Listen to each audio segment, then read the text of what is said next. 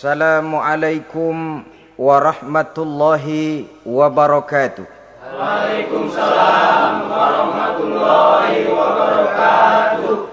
Bismillahirrahmanirrahim. Alhamdulillahi rabbil alamin. Wassalatu wassalamu ala ashrafil anbiya'i wal mursalin. Sayyidina wa maulana Muhammadin. Wa ala alihi ashabihil mujahidin at-tahirin amma ba'du. Saudara-saudara kaum muslimin rahimakumullah. Pada pertemuan terdahulu kita sudah membicarakan orang-orang yang menjadi teman-teman setan dalam kehidupan di dunia ini. Maka pada pertemuan kali ini kita akan membicarakan tentang siapa yang menjadi musuh-musuh setan di dalam kehidupan. Dengan satu catatan, berbahagialah mereka yang menjadi musuh-musuh setan, tetapi celakalah mereka yang menjadi teman-teman setan. Bagaimanapun juga di dalam kehidupan ini, apabila orang telah memproklamirkan bendera permusuhan kepada kita, maka kita tentu seharusnya bersikap waspada dan mawas diri. Demikian juga iblis dan seluruh bala tentaranya yang terdiri daripada setan-setan. Mereka telah mengibarkan bendera permusuhan kepada Nabi Adam dan anak cucunya, kepada kita umat Rasulullah sallallahu alaihi wasallam.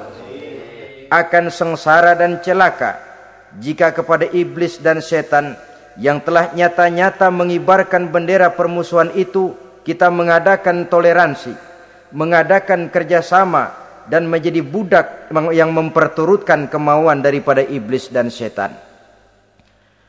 Siapa yang menjadi musuh-musuh setan dalam kehidupan ini? Inilah pertanyaan berikutnya yang diajukan oleh baginda Rasul kepada iblis. Hai iblis, kalau teman-temanmu adalah seperti yang telah engkau jelaskan tadi, sekarang cobalah beritahu saya, siapa di antara umatku yang menjadi musuhmu dalam kehidupan ini?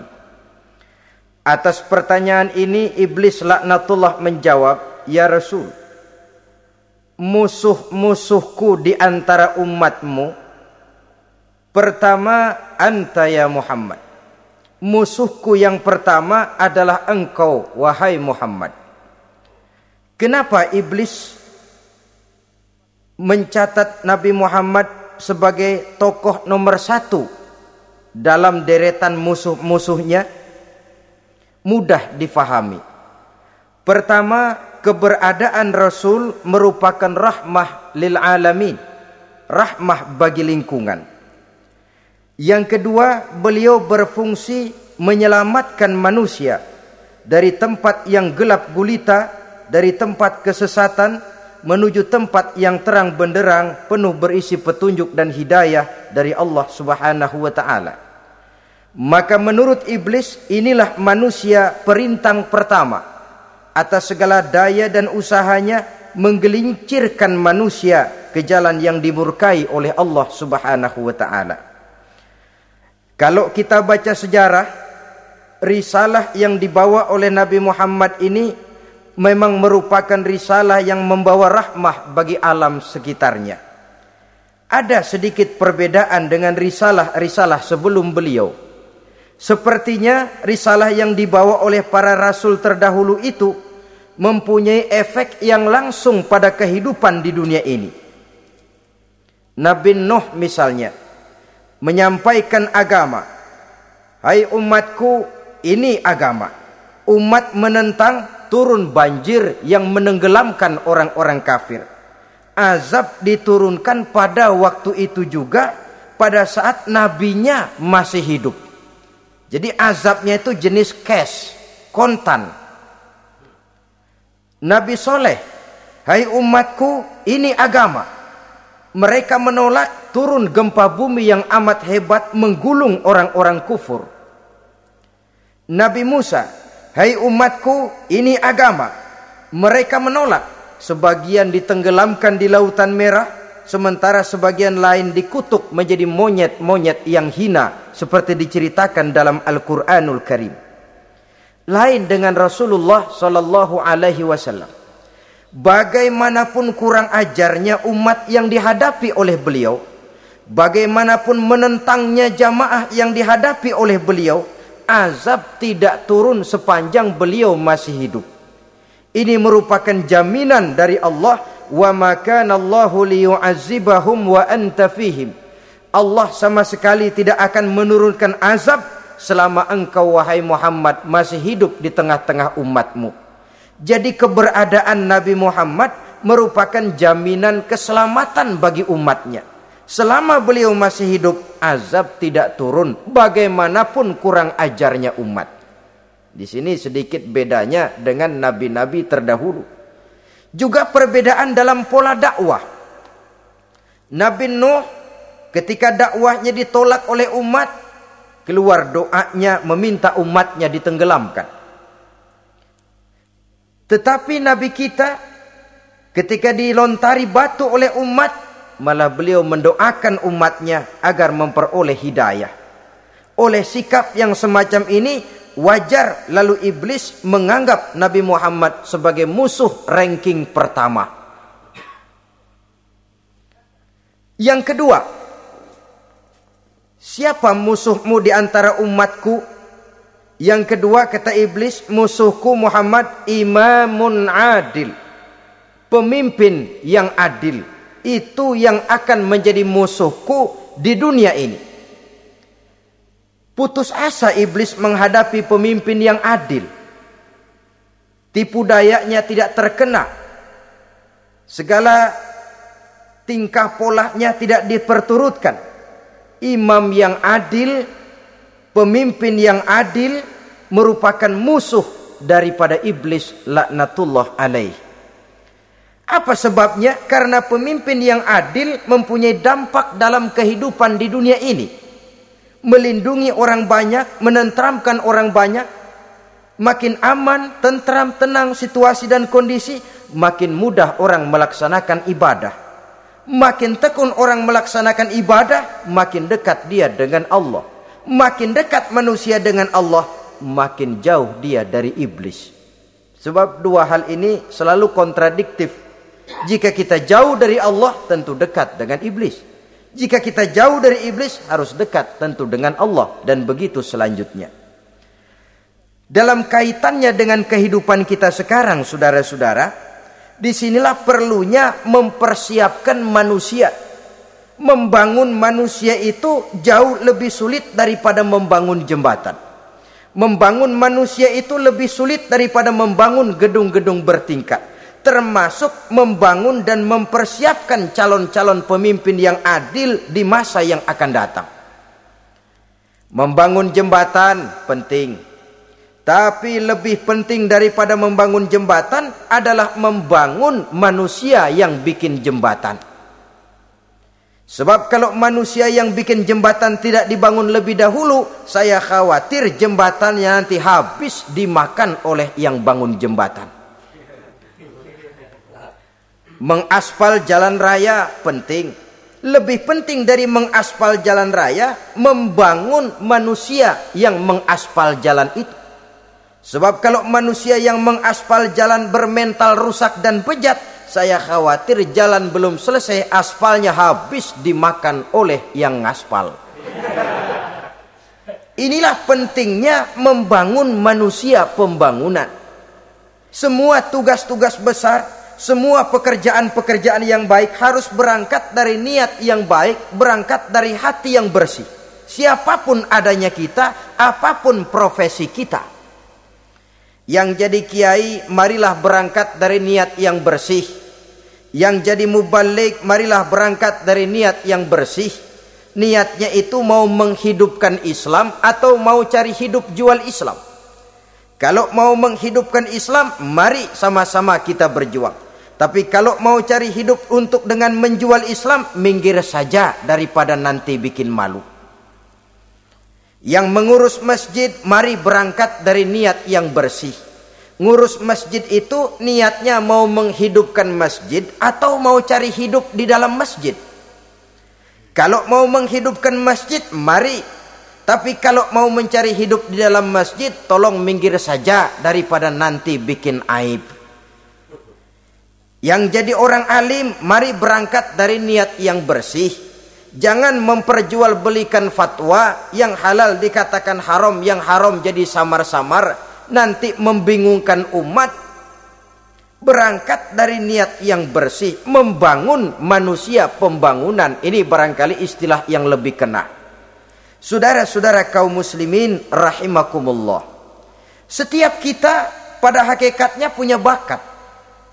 Secara fitrah yang kita bawa. Bakat apa pun kita ini punya saudara punya bakat jadi pemimpin saudara pun punya bakat jadi pengkhianat Saudara punya bakat jadi orang soleh, saudara juga punya bakat jadi orang salah. Saudara punya bakat jadi orang besar, saudara pun punya bakat jadi orang hina. Seluruh bakat ada di dalam diri kita. Tinggal nanti pertumbuhannya mana yang lebih subur. Saudara punya sifat berani, saudara pun punya sifat takut. Seberani-beraninya orang mesti ada sifat takutnya. Nanti mana yang tumbuh lebih subur? Kalau takutnya tumbuh lebih subur, dia akan jadi orang penakut. Kalau beraninya yang tumbuh lebih subur dipupuk oleh lingkungan, pendidikan dan sebagainya, dia akan tumbuh jadi orang pemberani. Oleh karena itu, agama merupakan lingkungan yang subur untuk menumbuhkan benih-benih yang baik yang kita bawa bersamaan dengan lahirnya kita ke alam dunia ini. Setiap kita saya, saudara, punya bakat jadi pemimpin, punya bakat jadi pengkhianat, punya bakat jadi pengabdi, punya bakat jadi koruptor, punya bakat jadi pemelihara, punya bakat jadi perusak. Tinggal nanti lingkungan pendidikan yang menumbuhkan mana yang tumbuh lebih subur. Kalau lingkungan saudara lingkungan maling, maka sifat pengkhianat akan tumbuh lebih subur kalau nanti saudara jadi pemimpin, insya Allah korupsi. Lingkungan yang menumbuhkan sifat mengabdi, sifat berbuat tanpa pamrih, kalah. Dikalahkan oleh sifat pengkhianat dan korupsi itu yang dibentuk oleh lingkungan, pendidikan, pengalaman, dan sebagainya. Oleh karena itu, secara dini, agama menanamkan, menyuburkan fitrah-fitrah yang baik yang kita bawa bersamaan dengan hadirnya kita dalam kehidupan ini. Sebab itu seorang penyair bernama Syauki mengatakan dalam sebaik syairnya, "Waladatka ummuka ya ibna Adam bakian wan nasu haulaka yadhakuna surura." Hai manusia, pada saat kamu dilahirkan kamu menangis dan orang lain di sekelilingmu ketawa.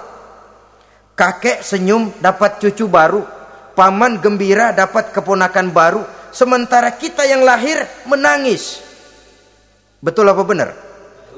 Apa ada saudara yang begitu dilahirkan terus nyengir? Saya kira kabur dukunnya itu. Setiap kamu hai manusia lahir dalam keadaan menangis, orang sekelilingmu tertawa. Karena itu katakan kepada mereka yang senyum di sekelilingmu, hai manusia, pada saat saya dilahirkan saya menangis dan kamu semua tertawa. Baik manusia. Tapi nanti pada satu saat harus terjadi kebalikannya.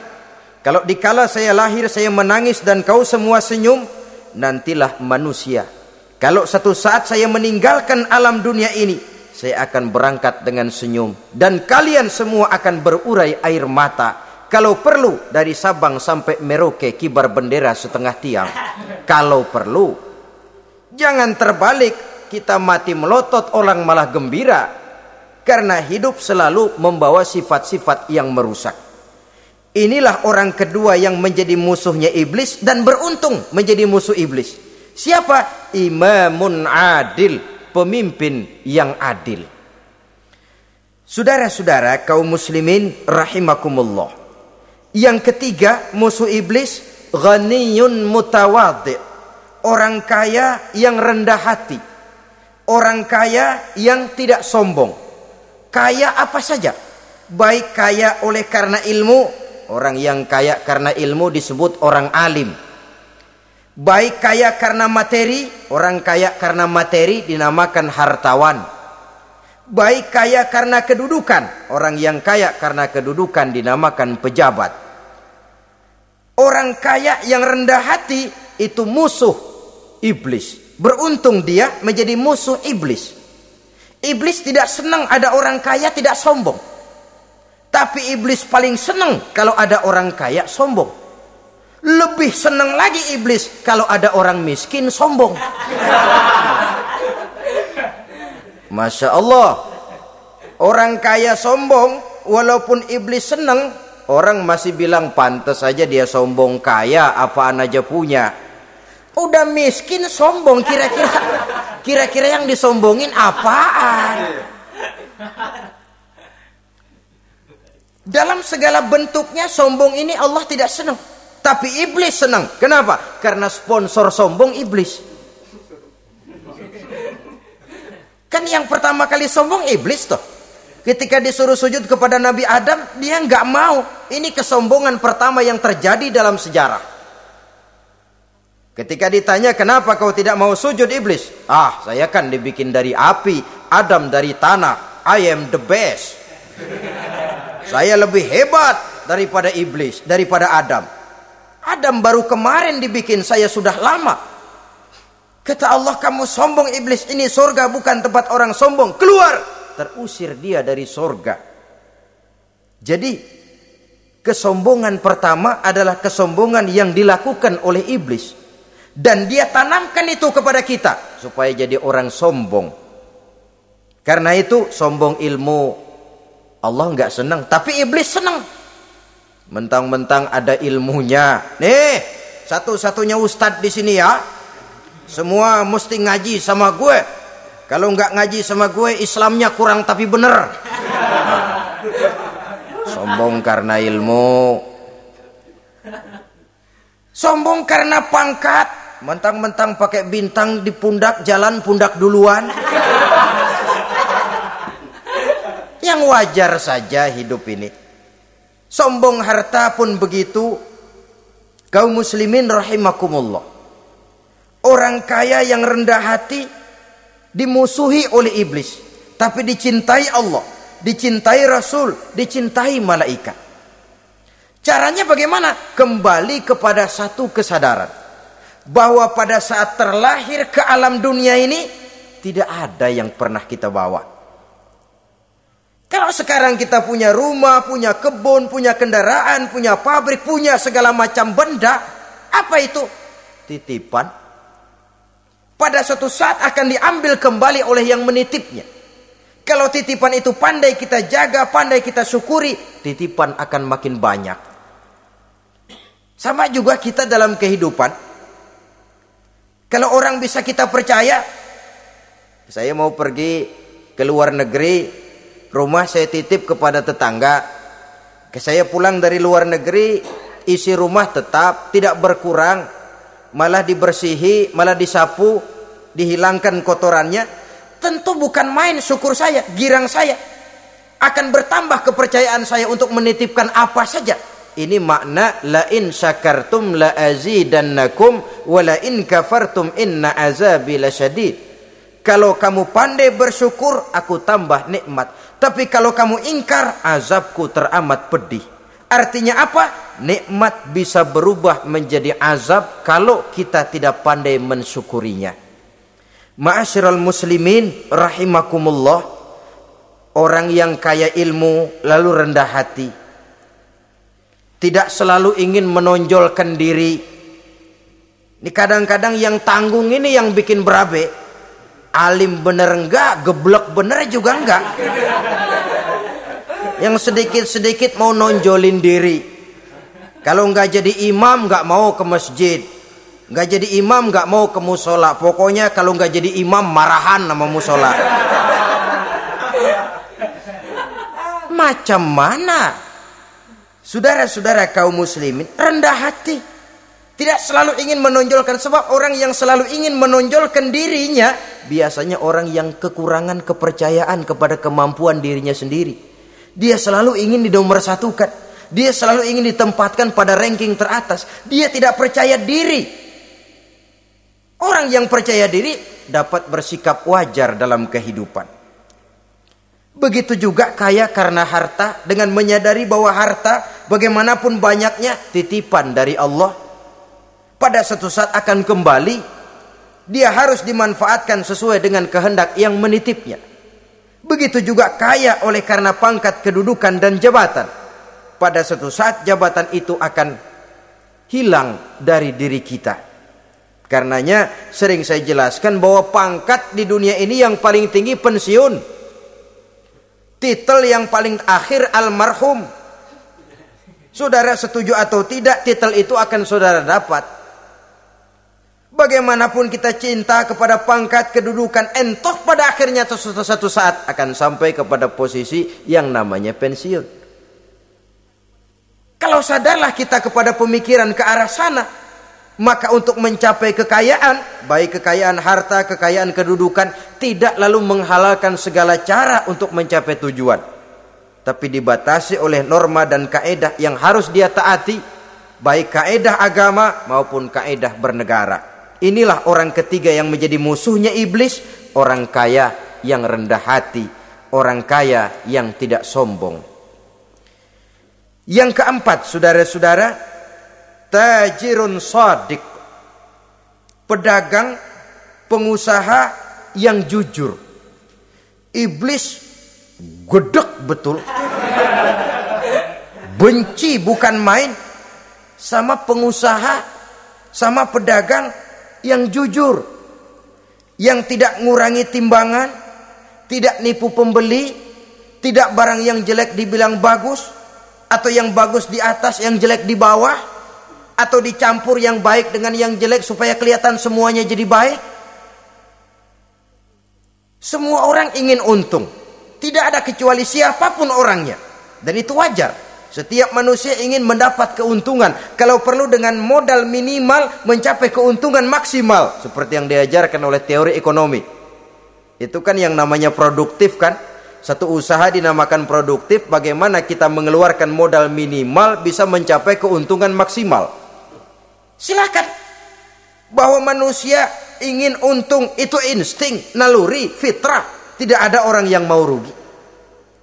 Tapi cara mencapai keuntungan itu yang membedakan antara seorang muslim dengan yang bukan muslim.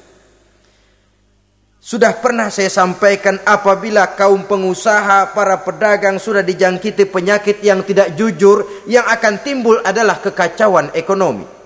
Kekacauan ekonomi bisa menimbulkan revolusi sosial dan revolusi sosial merupakan kiamat satu generasi.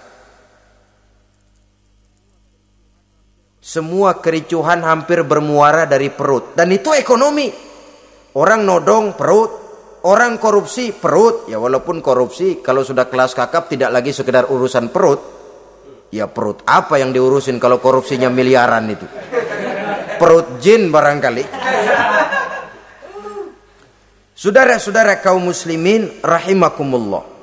Oleh karena itu, pedagang yang jujur, pengusaha yang jujur ini merupakan musuh iblis. Iblis tidak senang kalau ada pengusaha yang jujur. Iblis tidak senang kalau ada pedagang yang jujur. Tapi iblis akan tepuk tangan kalau pedagang sudah selingkuh, kalau pengusaha sudah nipu. Ada orang bilang, ah sekarang mah kalau jujur-jujur benar nggak makan apa-apa dong kita.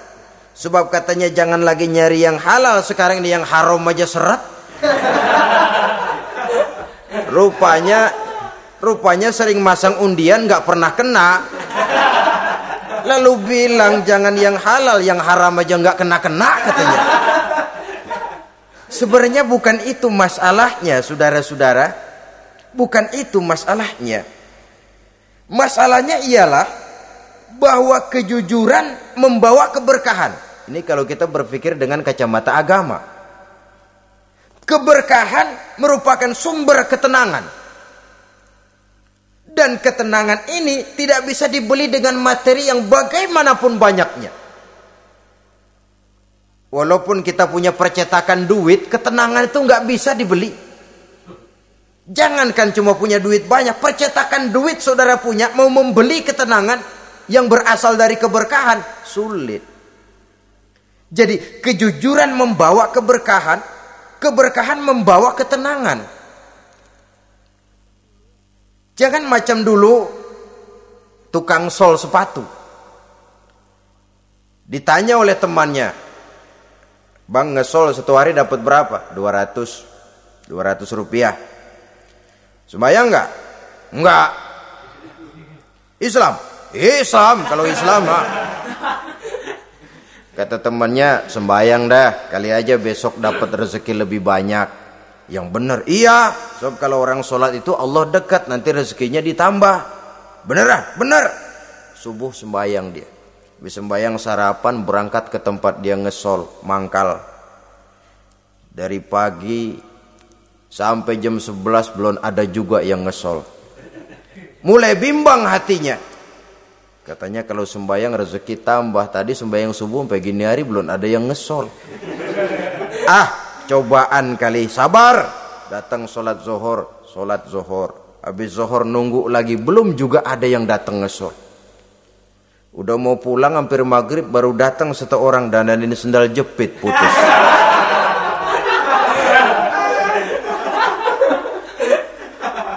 Sudah bayar 25 rupiah pulang dia si tukang sol ini ketemu sama temennya yang nyuruh sholat tadi ditanya bagaimana penghasilan ini hari apa dijawab gua kapok deh sembahyang.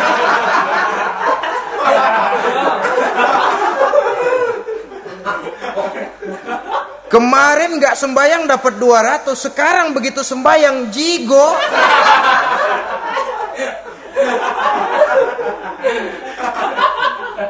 dia tidak sadar bahwa dengan dari kacamata agama 25 rupiah yang membawa berkah jauh lebih baik ketimbang 200 uang panas dari kacamata agama.